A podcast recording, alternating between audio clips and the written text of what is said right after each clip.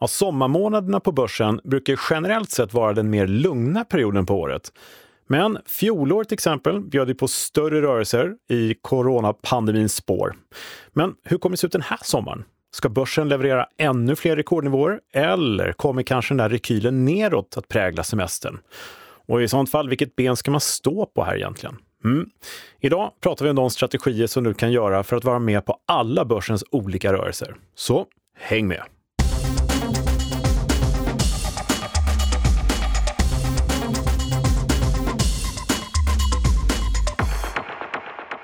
Ja, välkommen tillbaka till Optionspodden. Det här är podden som ger dig kunskaper som ingen privat eller professionell investerare på börsen borde vara utan. Här pratar vi om börsens hela verktygslåda som alla bör ha kunskap om. Mitt namn, Kalle Björkegren. Mitt emot mig, Thomas Bernon. Från Nasdaq. Ja. Varmt välkommen! Tack så mycket Kalle. Trevligt att vara här idag igen. Ja, visst är det mm. Det är Smile Studios vi sitter på. Känns ja. bra va? Ja. ja. Och hur mår du? Ja, jag mår jättebra. Ja. Känner mig laddad för dagens eh, sommaravsnitt om man får säga så. Precis, och det är nästan lite vemodigt ändå va? Mm, jag skulle komma till det. Ja. Okay. Mm. Därför att... Eh, Tog jag orden ur munnen på dig? Ja, ja, därför att det är lite paus efter det här. Lite semester. Mm. Eh, men ingen lång sån, utan vi ska bara göra ett litet uppehåll inför sommaren. Sen är vi tillbaka igen efteråt. Ja. Så därför ska jag se till att täcka allt det som man behöver veta i semestertider här. det låter ambitiöst. Ja, men ja. Eh, det är lite, vi har ju så mycket att bjuda på idag. Ja. Så att eh, det känns tryggt tycker jag. Så hör du, eh, sommartema. De senaste 20 åren läste jag så har börsen i genomsnitt visat minus 0,9 procent i avkastning under perioden juni till sista september. Mm. Typ alla varma månader på året. Mm. Eh, sen har vi då några negativa börsår som 02, 08 och 11 som drar ner det där snittet. Och tittar man på den så kallade medianen, mm. då är faktiskt börsen positiv under de här Det säger det, det brukar ändå vara lite mer positivt. Ja, man känns, visst känns det lite så. Mm. Lite mer positivt sommartider. Mm. Och då är snittet 4,8 procent. Det här är källor från Nordnet som eh, har bloggat mm. om det här. Mm. Eh, så det är lite intressant att ta med sig eh, som eh, lite till grund till dagens avsnitt. Ja. För eh, idag på börsen så är det ju faktiskt eh, all time high. Det säger, du, det säger du varje gång. Ja, precis. Det säger du varje gång. Ja. Och eh, flera gånger har vi faktiskt pratat om vad gör vi ifall det börjar gå ner och sådär. Men vi har faktiskt mm. även pratat om eh, vad vi gör ifall det fortsätter upp. Just det. Och, eh, men, men, majoriteten av frågorna som kommit in i alla fall, mm. det är mm. mer fokus på vad gör jag om det ska gå ner och hur skiter ja. jag mig och sånt där. Så. Och eh, en del av det här är ju psykologi förstås, därför att känslan är ju att man törs inte riktigt, ja men tänk dig att du har en helt tom portfölj full med likvida medel. Mm. Skulle du vilja lägga alla pengar på ett par välvalda aktier och, och vänta just nu? Kan vara en bra idé. Mm. Det trenden i mer är ju lite sådär, men mm. många är väl lite mer att det ska nog gå ner snart. Och...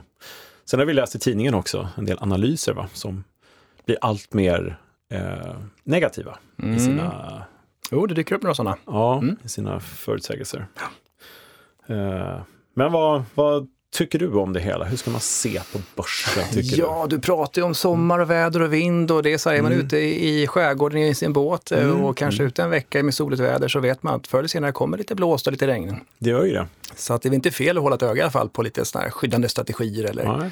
lite mer defensiv i alla fall. Precis, lite mm. som eh, förberedelse inför svenskt sommarväder. ja men verkligen. Ja, ja, lite så. Man vet aldrig hur det blir. Nej, och eh, väder och vind ja, och segel och segelbåtar. Jag brukar ha lite goda liknelser ju. Ja men precis, ja. Nej, men en parallell man kan dra det är faktiskt om man tänker på gamla, riktigt gamla segelfarkoster, man kan säga, typ vikingabåtar och sånt. Mer beroende av en medvind, vinden i mm. ryggen så att säga. Mm. Men en modern segelbåt kan ju åka i vilken vindriktning som helst. Mm. Bidevind, eh, läns, slör, alltså kryssa. Liksom. Ja men precis, du kan nästan åka rakt mot vinden. Ja, just det. I alla fall ta dig mot ditt mål, hur den blåser. Ja. Så det är lite grann sådär, om man jämför det med eh, optioner och vanliga aktieinnehav, så Just det. är en bra kontrast. Och på havet har man ju insett det här. Det är inte många vikingabåtar man ser på, på havet. Inte så många. Nej, jag tycker inte det. Nej, det är tyvärr. väldigt sällsynt. Ja. Kan vara kul att se som en sevärdhet. Ja. Desto fler eh, segelbåtar som klarar mm. verkligen alla vindriktningar. Men när det ja. investerarfronten är det nästan lite omvända. Mm. Mm.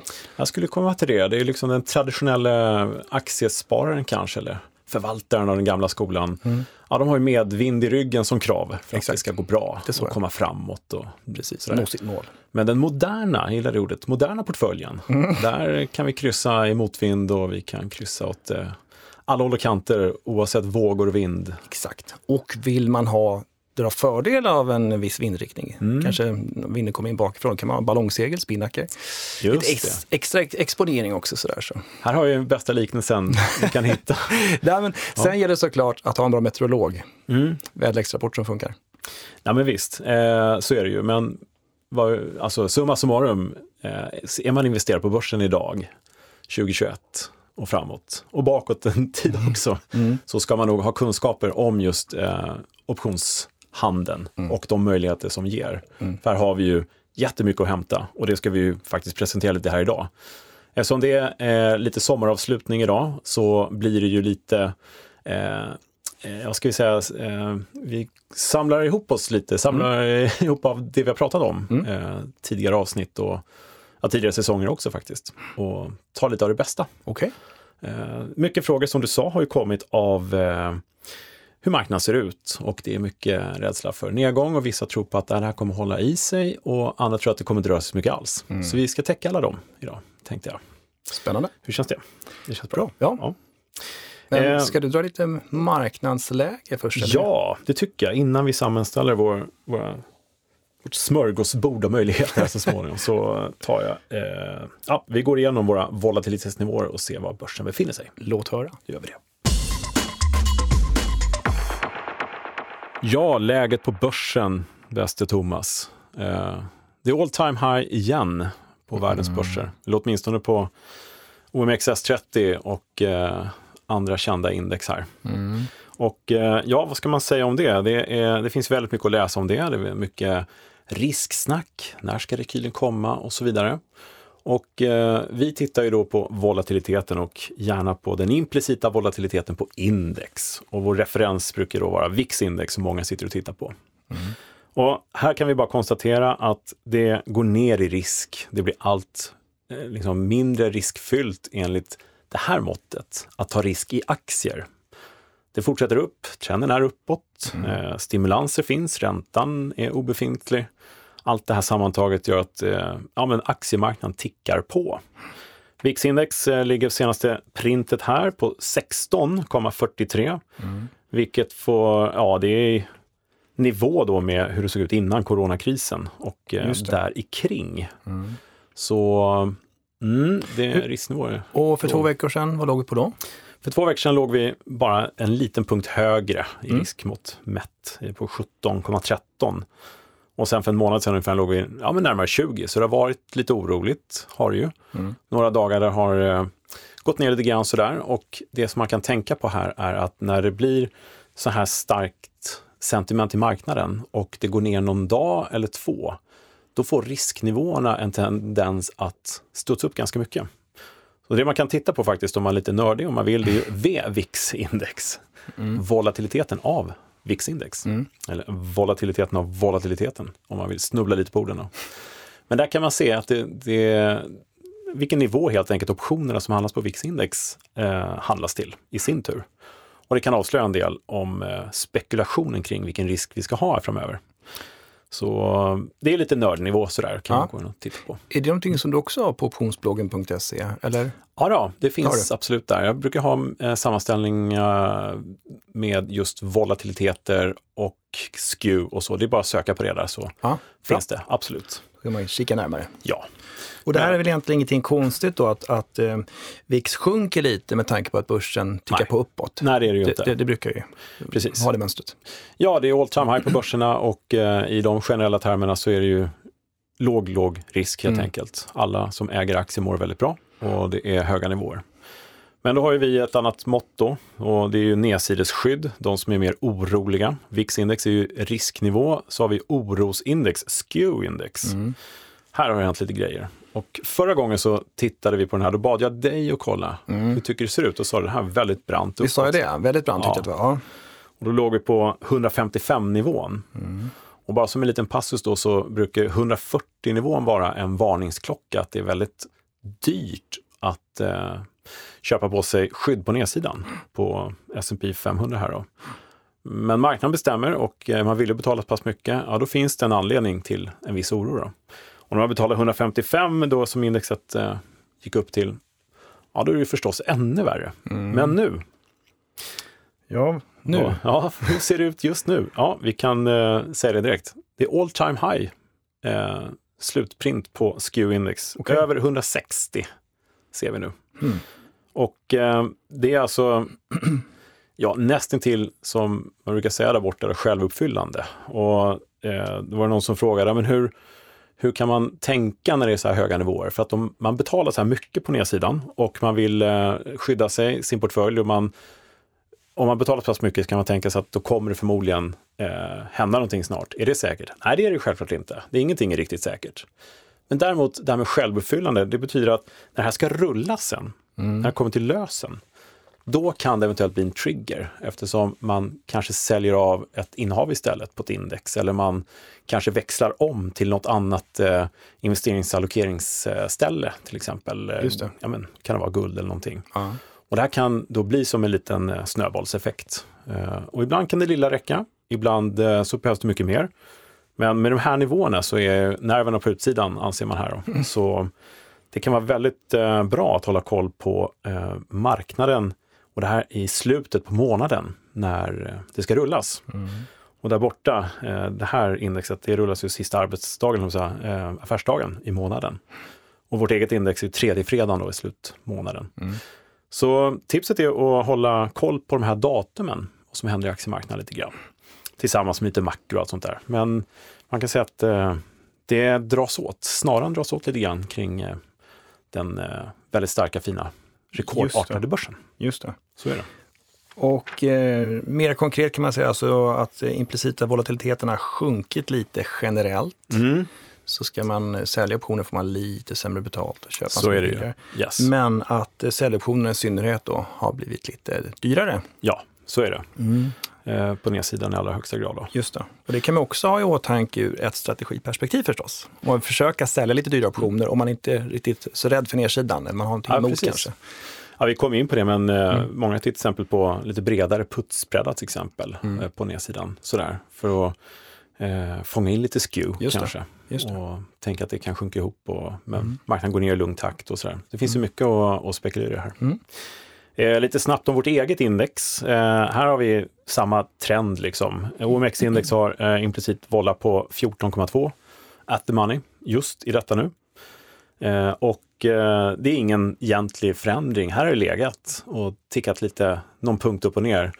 Eh, vi har en eh, edge då mot den historiska som är eh, lite lätt negativ. Eh, det betyder att marknaden prissätter våra optioner i Sverige på OMX-index eh, som har lite lägre risk framöver helt enkelt än vad det liksom verkligen rör på sig. Eh, så att det, det, här är non-event egentligen. Eh, I de här aspekterna så är vi inte så oroade för någon nedgång. Mm. Så för den som känner sig manad att köpa skydd på nedsidan i Sverige så finns det en SKU att ta hänsyn till, absolut, mm. gör det.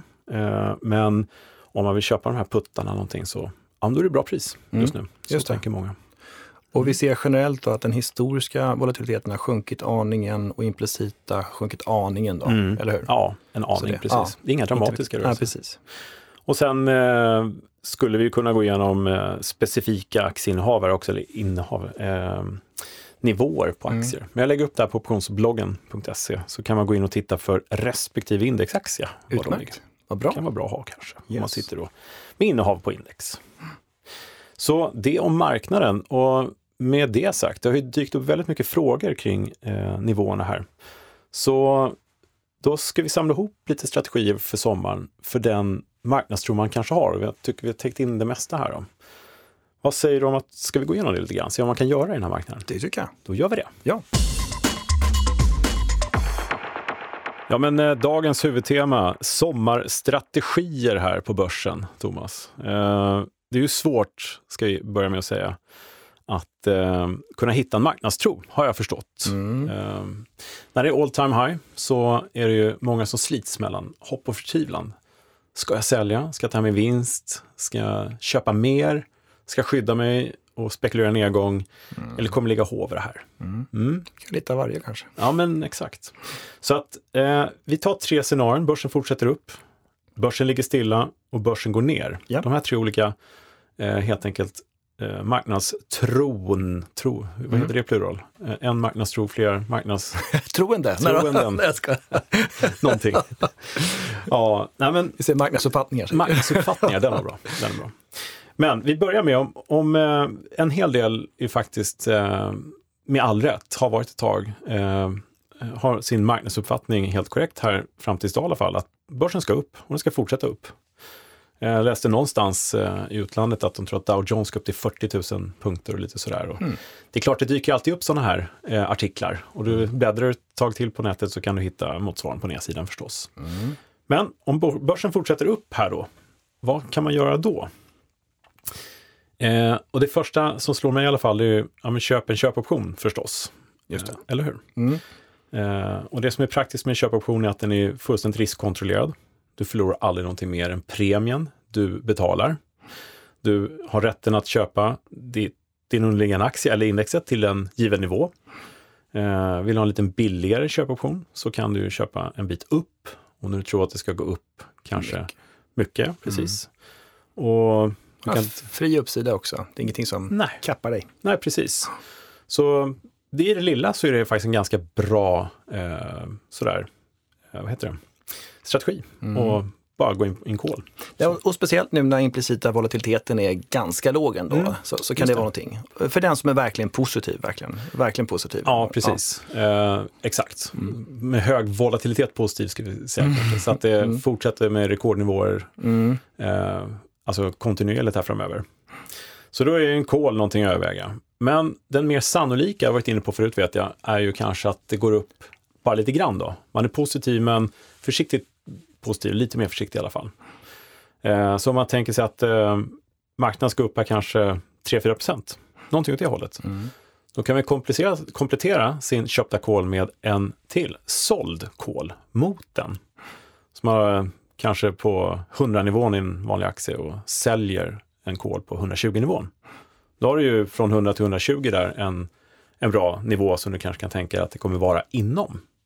Och förstås, köper du en kol och sen säljer en annan, ja då blir det mindre pengar du ligger ute med och riskerar. Eh, så kol, kol spread på det sättet i det lilla mm. initialt kan ju vara någonting att titta på för den som kanske inte är så här superinitierad i optionshandel men nyfiken på hur man kan ja, men uppnå någonting väldigt bra på ett enkelt sätt. Och det här funkar lika bra på index som i enskilda aktier. Vill man ha lite mer eh, strategiaktigt, de som är lite mer initierade, så har vi vår klassiska trebening. Mm. Det är inte så dum heller. Nej. Verkligen. Och det är väl om det går upp lite mer sakta kanske. Mm. Du kan låta den ligga verkligen. Det är en bra sommarstrategi. Man kan liksom släppa den lite mer. Exakt. Du säljer då eh, två optioner och kanske köper en. Mm. Så att om vi tar där ett exempel 100-nivån, då kanske man köper 100-kolen. Så kanske du säljer 105-kolen eh, och samtidigt säljer du en 95-putt. Just det. Rätten att köpa på 100, men du måste sälja på 105. Ja. Och kan köpa mer då på 95 helt enkelt. Just det. Så du får in en del premie och du är inte så känslig vad gäller tidsvärdeserosionen. Nej, du kanske precis. till och med tjänar lite pengar varje dag på tidsvärde som rinner ur. Det kan vara så, faktiskt. Och så är du med på en begränsad uppgång. Ja. Och det är kanske är det som stämmer i marknadstro. Så den, den, kan man liksom låta ligga. Trebeningar. Mm. Kan man säga att trebeningar är som att köpa en kolspread och sälja en putt emot? Ja, just det, precis. På nedsidan? Ja. Så, så man ska reda ut det lite grann. Så ja. Man köper en kol, det var det ena. Mm. Och man säljer en kol mot den så blir det en kolspread. Mm. Här kan man säga att man finansierar hela den kolspreaden, kan man ju uttala det som. Mm, nästan, ja precis, jo det gör man nog. Ja, ja det kan man göra. Lite spekulativt sådär, ja. med att sälja en säljoption på nedsidan. Och mm. nedsidan menar jag lite lägre lösenpris. Mm.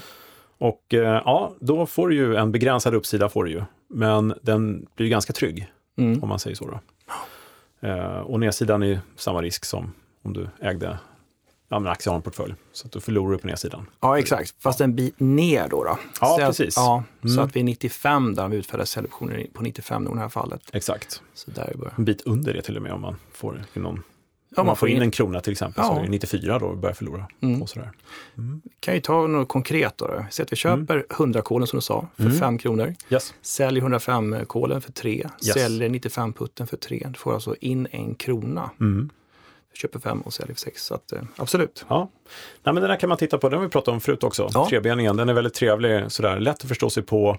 Eh, och sen som alltid när man pratar om det i podd eller radio så blir det ju mm. kanske lite många parametrar och så. Men här har vi en väldigt attraktiv och populär strategi. Precis, men bra som du sa där, en mm. kolspread plus en utfärdad putt i ja, det här fallet. då får man lite mer känsla mm. för vad det är. Så här har vi, vi kommer säkert komma tillbaka till eh, positiva strategier så att säga. Eh, men här har vi ett par stycken vi har valt ut då, som vi tycker är någonting man kan titta närmare på för den som tror på en uppgång. Mm. Eh, vi kan ju också, så ska vi gå igenom vad vi kan göra om börsen ligger still här. Mm. För egentligen så är det väl kanske där vi har varit. Nu är det all time high idag, fast det har ju inte rusat upp på något sätt, utan det ligger på, eh, liksom, eller ska jag säga senaste månaden har legat på ganska jämna nivåer sådär. Mm.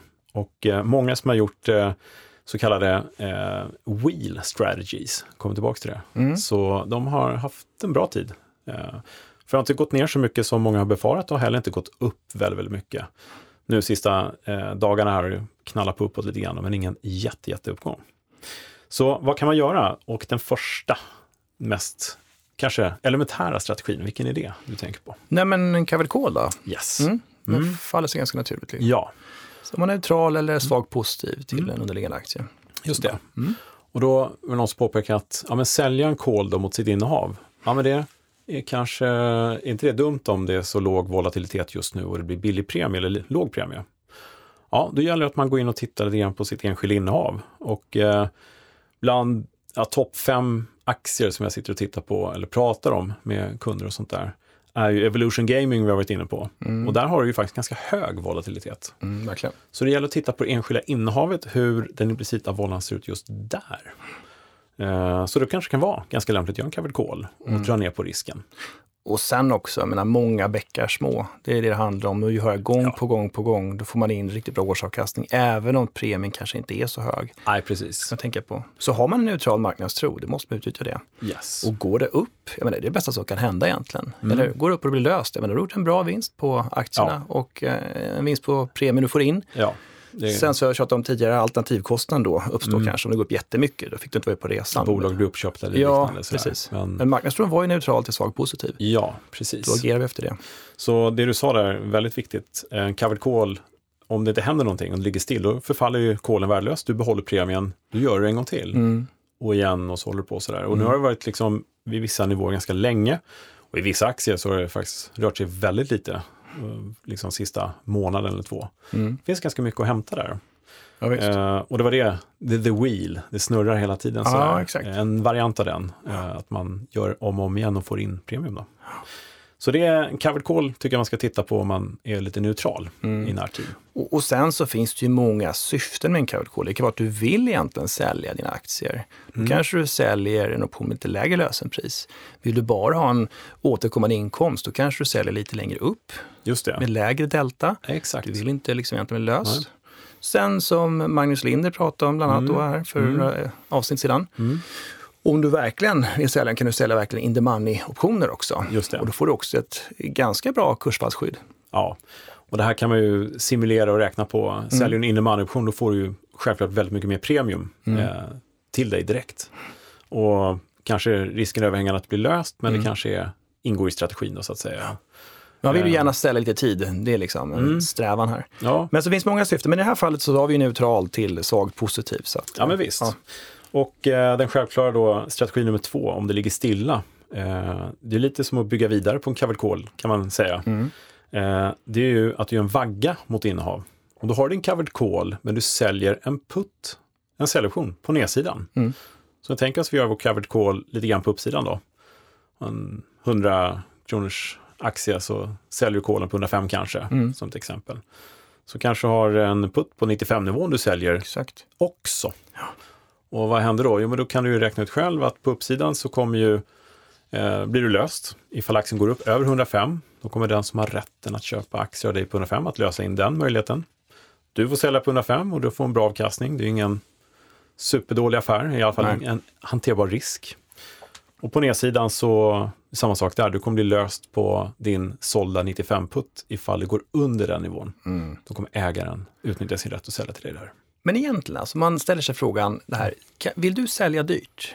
Mm. Och vill du köpa billigt? Det låter som en bra grej. Ja, Aha. men då kan man titta på det här. Du sa 95-nivån och du ja. sa 105-nivån. Kan du yes. tänka dig köpa på 95? Mm. Idag betraktas det som billigt. 105, lite dyrt. Yes. Det, alltså... kan, kan, man leva med det så är det här en bra strategi. Ja. Och ligger det stilla så får du ju in pengar. Ja. Till. Och då ska man ja visst det kan bli vinstvarningar och det kan gå rakt ner i källaren. Och så här. Då kommer du få köpa på kanske en hög nivå. Mm. Men det här brukar vara en lämplig strategi i kanske lite mer cykliska aktier, sånt som inte rör sig så mycket mm. över tid. Eh, men det är en fundamental sanning. Mm. Köpa mm. billigt, sälja dyrt. Mm. Det gör man gärna. Och man vill ju gärna vara med lite grann också, eller hur? Jag menar, så att, eh, ja. Om man inte vill riskera någonting, då, då ska man ju inte ha någon position. Nej, så, så är det. Men det fina här är ju att det här är en neutral strategi. Eh, det här är ju riskerna vi pratar om. Mm. Att sälja på uppsidan, det är ju en bra risk att kunna hantera i alla fall. Mm och kunna köpa på sig mer på en viss nedsida. Och då får man också tänka på att man får in en dubbelpremie här att räkna in i mm. ekvationen. Mm. Kan ju faktiskt vara en bra affär att köpa en bra aktie på lite lägre nivåer om det bara studsar ner där. Ja, precis. Så ja, börsen ligger stilla. Covered call och vagga mot innehav. Definitivt någonting att titta närmare på om man precis. inte är bekant med dem. Ja. Och det här är fortfarande väldigt enkla elementära strategier. Såld vagga, ja precis. Såld vagga mot innehav, mm. precis. Men kanske mest elementära eh, marknadstron, börsen går ner. Och om det går ner, då är frågan hur snabbt ska det gå ner och hur mycket ska det gå ner? 10 000 kronors frågan. och det vet man ju inte. Men eh, precis som om börsen går upp så kan man ju motsvarande när börsen går ner, eh, istället för att köpa en kol köpa en självklart en putt, en säljoption istället. Mm. Och då kan man ju roa sig med att titta på OMX-index om man har då möjligheten att titta vad implicita volatiliteten är på rådande nivåer kring 23.00 där är ungefär just nu, strax under. Eh, och vad det är kanske på 2000-nivån, eller 2100-nivån. Och då kommer man ju se att det är dyrare att handla optioner på 2100-nivån lite längre ner. Så det finns skew även på OMX-index. Men det kan fortfarande vara ganska prisvärt om man vill ha så, så kallade kraschputtar. Mm. För den som tror då på den stora nedgången, den här kraftig nedgång, det kommer inflationssiffror eller det kommer någonting sånt där som stökar till det. Ja, då kan en sån putt vara bra att ha om det går ner väldigt mycket. Det behöver inte gå hela vägen ner, men den kanske ger en bra eh, hävstångseffekt ändå. Mm. En bit på vägen. Det är som att ta med sig regnkläder och lite extra material ute i, i skärgården. Exakt, ja. när stormen kommer. Ja, men exakt. Så det... det blir inte bara lite vind och duggregn, utan det blir storm och ösregn här. Mm.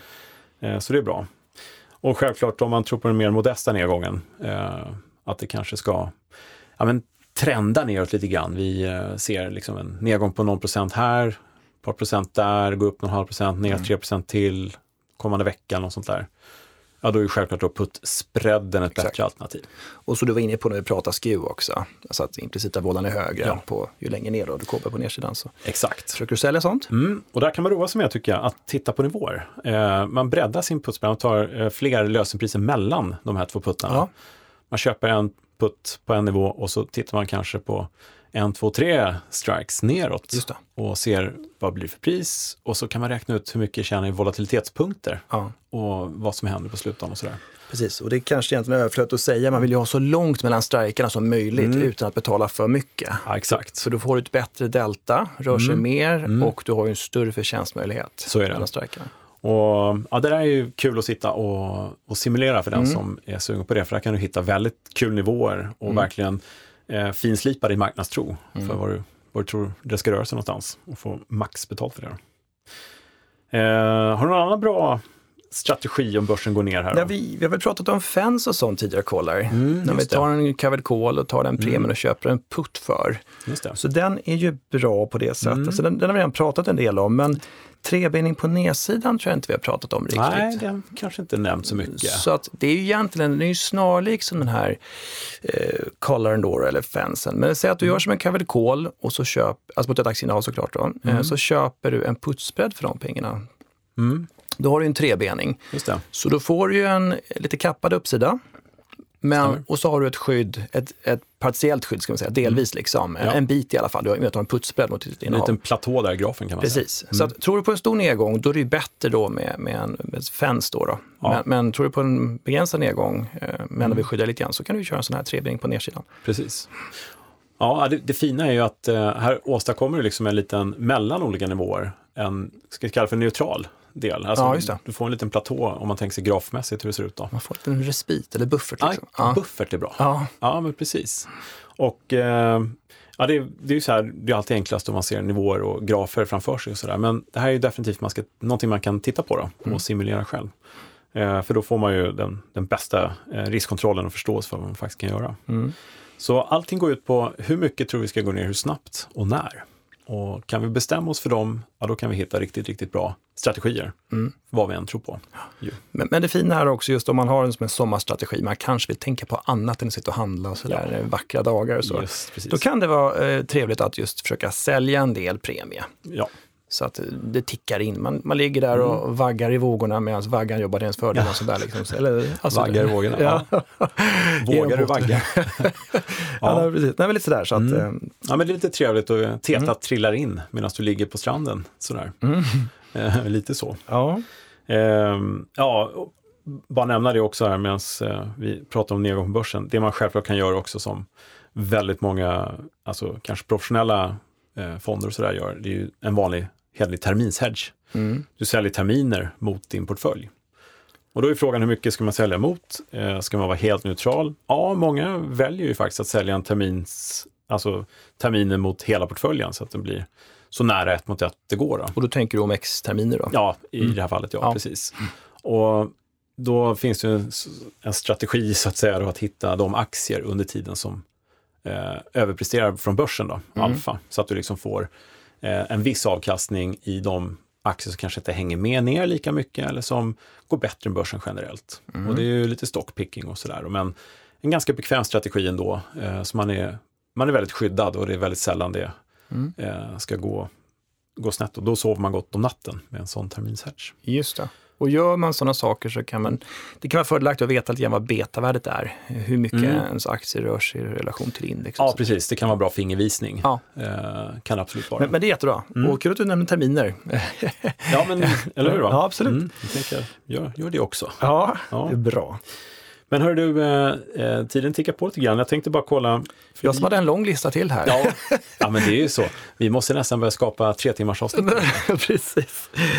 Det Albin ljudtekniker är lite orolig här. Ja, eh, nej men eh, absolut. Det finns ju så många fler, men nu har vi, mm. nu har vi pratat med en del och vi, vissa har vi pratat om tidigare mm. också såklart. Så ja. kan man gå tillbaka och lyssna på annat och så. Men jag tycker en sak som man ska liksom tänka på, det är att en köpoption, mm. vad kan du göra med den? Du kan köpa den ja. och så blir det lång marknad. Du kan mm. också sälja den ju. Mm. Det blir kort marknaden. Just det. Och det innebär ju att med enbart, enbart köpoptionen mm. så kan du alltså tjäna pengarna i uppåtgående marknad ja. eller i en nedåtgående marknad ja. och även i en stillastående marknad. Yes. Detsamma gäller för säljoptionen, putten. Ja. Du kan tjäna, ja, tjäna pengar i uppgång, nedåtgående eller stillastående, ja. beroende på vilken strategi du väljer. Mm. Eh, så, så, att med det i åtanke så ska man liksom sätta sig och börja skapa någonting. Liksom. Mm. Där har vi legot. exakt, Nej, men exakt. det kan ja. bli vad som helst ja, men det är en svan. Ja. Nej, jag får hoppas att det inte blir en svart svan. Men det är, det är verkligen eh, lite hjärngympa ja. sådär, och ha med sig över sommaren. Om man är intresserad av att utveckla sin handel på börsen och sin mm. portföljförvaltning. Mm. Eh, tänk i de termerna. En call kan du göra allting med och samma och sak med en putt. Då ska jag ställa en fråga till dig. Mm. Eh, just på tal om alltså, hur du kan vrida och vända på saker. Ja. Vi pratar om synteter. Just det. Mm. Eh, kan du skapa en köpt strut? med hjälp av, utan att få använda köpoptioner. Mm. Hur gör du det? Kan du göra det? Ja, alltså då ska jag bara säga en köpt strut i den traditionella meningen är ju en köpt call och en köpt putt, samma lösenpris. Mm. Men du ska alltså skapa en strut med bara calls, sa du? Nej, du får du? inte använda dig av calls. Jag får inte använda mig av calls. Nej, aj, aj, kan du göra det? Ja, det kan jag. Tror jag. ja, låt höra. Eh, jag skulle nog, alltså en call, jag skulle använda en aktie. Exakt. Kan jag göra det? Ja, det får jag. Och vad händer då? Ja, då ja. har du uppsidan. Yes. Mm, men du skulle skapa en strut. Mm. Nej, enlighten me. Jag vet inte. Ja, nej, men då, då får du köpa, precis som du säger, Ja. köper aktierna och sen köper du dubbelt så många puttar. Just precis. Köper du lika många puttar som aktien så att säga, då får du ju en, en, rak kurva. Men köper du dubbelt, då tjänar du på nedgången också. Ja. Så att en rak kurva, Ja, så. det finns ju inte. Men, rak linje. Ja. Men då, då får du V-formationen. Om du har köpt en call Ja. Mm. och köpt en putt så, så motsvarar det som att du har köpt aktierna och dubbelt så många puttar. Då Yes. får du V-formationen. Köpt, eh, strut. Ja. Och, och det här kan ju vara lite överkurs kanske, men just för att prata Mm. om vad man kan göra och man kan blanda in olika saker och man ska inte fastna i gamla hjulspår. Nej, nej, men helt riktigt. Och återigen, ehm, om man tycker att det låter lite förvirrande och sådär, vilket det ofta kan göra i alla finansiella termer när man pratar i poddsammanhang. Eh, simulera och testa och, och läs på, liksom, kolla grafer. Det brukar liksom sätta så, bli så här, aha, är det sådär? Liksom. Och då ser man verkligen möjligheterna på jättebra sätt. Och om jag får fortsätta på det temat bara, synteter, jag tycker det är så kul med ett palindrom. Man vänder på ett ord fram och tillbaka, Ja. liksom. klassiskt det är så här ABBA och sådana här saker. Anna, Ja, precis. Men då finns det faktiskt en mening som är, det är ganska kul. Ni talar bra latin. tack. Ja, precis. Jag vill höra det sen. Läser man det baklänges så blir det exakt samma sak. Så man kan skriva upp det och så läser du Ni baklänges. talar bra latin. Ja, så läser man Ja, baklänges. jag läste just baklänges. Ja, precis. Ja. Snyggt. Ja, lite Ja. kul. Ja, men lite så. Det, är- allting hänger Ja. ihop, lite legovärlden. Ja. Eh, sådär. Du, eh, eh, jag tycker att det här är superintressant. Det finns ju mycket mer. Eh, så vi kanske inte, vi skulle ju gärna prata om 100 strategi till förstås. Lite ratios och iron condors och, och Ja. grejer gärna skulle nämna. Men vi kan försöka lägga ut på optionsbloggen lite goda strategier, så det finns lite att att läsa in sig på om man vill. Och sen så kan man alltid eh, skicka in lite frågor till eh, Optionspodden på optionspodden.se. Om det är någonting av det här man vill veta mer om, eller om någonting man eh, vill veta mindre om. Nej, men om man, om man vill, någonting man söker så ska vi se till att eh, skicka information åt rätt håll, så att säga. Bra. Du, apropå frågor, ska vi ta några stycken? För det kommer in mängder hela tiden. Ja. Ska vi ta några sådana? Då hoppar vi till lite frågor. Ja, men eh, frågor till podden eh, ramlar in, kan man lugnt säga. Och det är riktigt kul, riktigt trevligt. Det är mycket glada tillrop och det är sofistikerade frågor på många sätt. Eh, eh, jag tänkte vi ska ta några stycken eh, frågor som återkommer då och då, så vi försöker täcka in så mycket som möjligt. Eh, Niklas med flera har pratat om automatlösen. Vad är automatlösen för någonting? Jo, han säger så här, när jag, när jag blir automatiskt löst, när blir jag automatiskt löst på mitt optionskontrakt? Frågetecken.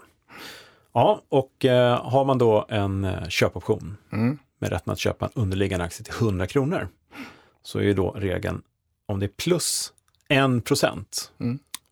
Så att det, En procent eller mer i, Ja, i 1 realvärde. procent eller mer, precis. Är, är, står aktien i 101 kronor, då är rätten att köpa till 100, då Mm. kommer det bli löst per automatik. Därför då anser ju då du Thomas på Nasdaq att det här är en så pass bra affär. Man vill ju förstås köpa billigare Mm. än vad det kostar att köpa på börsen. Ja, och sen det är ju en service åt alla som, som handlar Ja, helt enkelt. Så ingen missar och begära lösen och gå miste om kapital. Nej, precis. Så i det läget när det är mer än 1 procent in the money, Mm. och det gäller även på nedsidan förstås, plus minus 1 procent kan man säga, så blir det en eh, automatlösen. Och då ska vi också lägga till att när det gäller aktier så är det senast betalt på slutdagen som gäller. När det gäller index så är det snittindex sista handelsdagen i optionskontraktets liv, den tredje fredagen som gäller. Mm. Just det. Och där är kontantavräkningar så blir cash Precis, det blir på, på bara- index. Ja. Så det var det om det. Mm. Och, eh, det finns massa info om det här på optionsbloggen och Ja. också. Och jag tror att frågan varit uppe tidigare också en Mm, gång, men den det. är återkommande där. Men Ja. eh, absolut. Så Sen ska man också tänka på att man kan ju, folk kan ju avsäga sig lösen och man kan begära lösen på saker som kanske inte ens har något realvärde. Så, så att vissa blir förvånade att de blir lösta ibland. ja, och sådär. precis. Mm. Och man ska också, det var någon som frågade faktiskt, eller ett par som har frågat eh, om man blir löst eh, eh, bara liksom den här 1 procenten infinner sig, man blir in the money helt enkelt under löptiden. Blir man löst direkt då? Mm. Jaha, oh ja, nej. Ja, nej, det blir Nej. man inte, utan då får man begära lösen. Det kan man göra, Mm. om man nu vill. Men annars är det slutdagen som gäller. Just det. Ingenting annat som händer innan dess. Precis. Och ska man begära lösen, titta vad optionen kostar i marknaden. För att Yes. har den tidsvärde så är det bättre att sälja den än att begära lösen. Ja, så är det. Mm. Precis. Eh, Anna har frågat så här. Hur rullar jag terminskontrakt på index på bästa sätt? Eh, och det här är då en grej jag märkt som man faktiskt inte känner till. Det finns ju automatiserade spreadar faktiskt i marknaden mm. som har benämningen TS, som i timespread på slutet. Eh, det finns en del just sådana här call spreads faktiskt eh, och så vidare. Men det finns även på index, indexterminen, ett kontrakt som just nu heter OMXS30 som index, 1 eh, som i 2021, GTS. Det låter som en sportbil. Ja, det gör. GTS, det gör det faktiskt. Men det är alltså G som i juli, om man tittar på benämningen. Här. G som i juli. Ja, ja G som... Ja. Var det roligt? Nej, men det låter lite roligt. Ja, det stämmer ju, men jag tänkte bara... Alvin, vad menar ja, A som i Anna brukar man liksom, alltså G ja, som G i juli. som i juli. Ja, Okej, okay, nu fattar jag. Om man är inne i optionsvärld så ja, vet man G i juli. Och om man säger US som i juli skulle jag kunna säga på puttarna. ja, precis. Ja. Ja. Ja, det var lite roligt. G mm. som i juli. Ja. För kontraktet står GTS och det indikerar ju julikontraktet, alltså byta till julikontrakten från just nu juni. Då. Mm. Eh, så OMX S31 GTS, det är alltså ett helt kontrakt som man kan lägga in ett pris i. Och gör man det, då eh, handlar man båda terminer. Mm. Köper man kontraktet och köper man juliterminen, säljer den innan juni. Säljer man kontraktet tvärtom. Och det där ska man absolut göra. Ja, har man terminskontrakt på och vill rulla in till nästa månad, då är det definitivt där mm. man ska. Och kommer man inte åt det på webben själv så prata med ditt mäklarbord. Ja, du måste nog uh, ringa in mm. order för att lägga in den där. Mm. Du kan inte lägga in det själv än så länge, så vitt jag vet. Eh, så, så rullar man. Visst, så man behöver inte sitta med execution risk där och eh, först köpa tillbaka eller sälja sin egen termin och sen göra samma sak i nästa månad. Då. Mm. Eh, utan eller, ja, så det här är ett bra kontrakt att hålla koll på. Och det där används ju oerhört mycket av eh, proffsen, alltså fondförvaltare och sådär mm. som rullar terminer. Ja, men det gör, så är det. Eh, bra att hålla koll på. Du, sen har jag fått en fråga här, lite snabbt bara. Det här kan vara utdraget, mm. men eh, eh, Albert, han är inte den enda som har frågat där. Vilken var den första optionspositionen som ni själva tog? Jaha, så där ja. ja. Har ja. snabba, the, the ja, short version? Det var en index call. Året var nog 1994, plugga på universitetet. Mm. Mm. Det var en bra affär. Första affären jag gjorde, det gick upp eh, 400 procent på eh, två veckor. det var kalla bra avkastning. Ja, precis. Andra affären gick inte lika bra kan jag säga. Då försvann gick ner 400 procent? Nej, nej, men 80 procent kanske, så jag var tillbaka på ruta ett ungefär. Men det var index. Ja, då fick du lära dig hävstångseffekten den hårda vägen. Ja, precis. Men det var bra att lära sig. Man kom igång och handla liksom, så man började lära sig. Ja, mm. härligt. Ja, den första jag själv tog, det var egentligen för kundsräkning i USA. Det var ungefär samtidigt faktiskt. Mm. Uh, uh, jag skulle gå iväg till någon pit där och köpa puts. Fattar ingenting. What do you mean puts? Uh, you need to buy some puts. Och vad det nu var. Jag kommer inte ens ihåg underliggande. Uh, men det blev väldigt uh, dålig affär i alla fall. För att då kom jag, eh, Dow Jones låg på 3900 punkter någonstans mm. och två veckor senare låg den över 4000. Jaha. Mm. Och putten var inget bra Nej, okay. att köpa då. Men det var inte din, det var kunden sa du? Ja, det var kunden. Ja, så, ja. Mm. Min egen? Ja, jag, jag, tar det som min egen. ja, jag, eh, ja, min egen var nog en Ericsson Call faktiskt. Ja. En enda Call. Mm. Uh, jag kommer inte ihåg hur det gick, så det gick nog inte så bra. Nej, tror jag inte. Okay. Uh, hur det nu kan gå dåligt i Ericsson, slut på 90-talet, men i alla fall, det lyckades jag med. Ja, kul fråga, tack för det. Mm. Uh, den kanske vi kan utveckla längre fram här faktiskt. Säkert. Ja. Du, uh, som alltid så går ju tiden alldeles för fort och uh, det stormar mot sommar. Eller jag hoppas att det inte ska storma mot sommar på något sätt utan det glider lite mot sommar, mm. eller hur? Strategier över sommaren har vi nämnt. Vi har, det är bara att backa det här avsnittet direkt om man vill gå igenom vad man kan göra. Om man tror att det ska gå upp, stå stilla eller gå ner, eller hur? Mm. Och även lite grann sådär, lyssna på tidigare avsnitt. Om man inte har gjort det tidigare så kan vi säga att de första avsnitten är faktiskt rena utbildningsavsnitt. Där vi berättar jättemycket om vad man kan göra i alla olika marknadslägen. Men eh, det ryktas också här innan vi avslutar och tar lite sommaruppehåll här, att det finns ett ordspråk eller någonting klokt mm. som du har att bjuda på. Ja, just det. Mm. Nej men, ja, kort bara, det här läste jag i en gammal bok som heter Ex Libris min farmors fars gamla bok mm. i alla fall. Mm. Och vi pratade ju om latin tidigare. Ni, vi, ja. talar bra latin, så det faller in lite naturligt här. Men, och jag kan ju inte uttala latin riktigt så här, men nulla dies sine linea. Mm. Och det betyder tydligen inte en dag utan en linje eller utan en rad. Liksom. En, ah, Okej, okay. man ska man ska, läsa. Man ska läsa. Eh, så mycket okay. man kan lära sig mycket och läsa böcker. Och var ju då tanken med detta Ex Libris som ett litet bokmärke i böcker. Som man så Nulla Dies Sine Optionspodden. Det, Precis. Då ska man lyssna på Optionspodden varje dag. Ja, just det. Inte en dag utan Optionspodden. Exakt. Ja, men du, vad, vad fint. Det, det, det, det blir lite bra eh, tips på vägen mm. i hängmattan. Och för den som var intresserad så var det eh, väldigt gammalt detta. Apelles, 350 år före Kristus föddes han, en konstnär som då mm.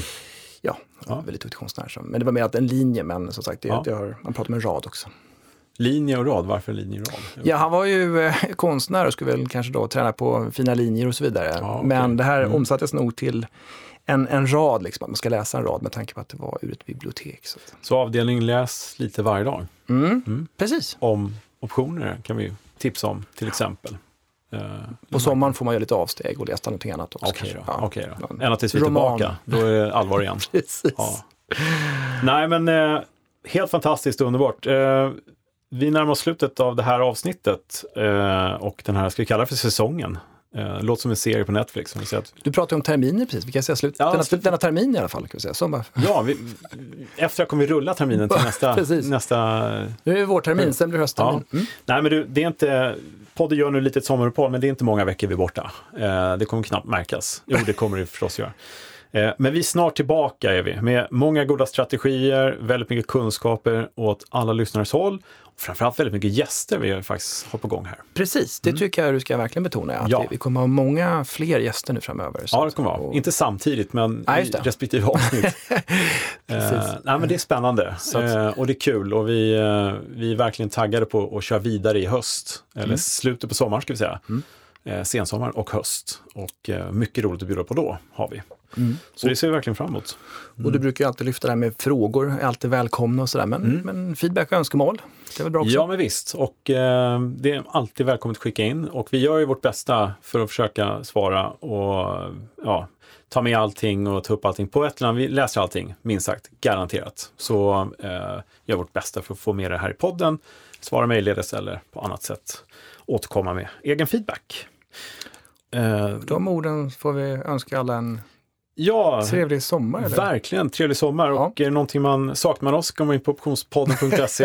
eh, vill man veta mer om ja, optionsbloggen.se, Twitter, att se Björkegren om man vill ha lite i det korta perspektivet, mm. veta vad som händer. Och för den som vill hålla sig till den här linjen, mm. eh, eller raden rättare sagt, mm. så, så kan man ta den klassiska broschyren 10 frågor och svar om options och terminshandel. Yes, finns också på optionsbloggen, bara mm. ladda ner. Mm. Eh, vill man ha lite kurs, optionskurs.nu om man känner för att förkovra sig. Ja. Ska vi säga så inför sommaren? Vi säger så. Vad säger du Albin där ute i studion? Tummen upp, två tummar upp, det är jävligt bra. Bra. Du, har en riktigt trevlig sommar. Så tack, hörs vi bara några veckor igen. Ha det fint. Ja, ja. Bra. Ha det bra. Hej. Tjena, hej.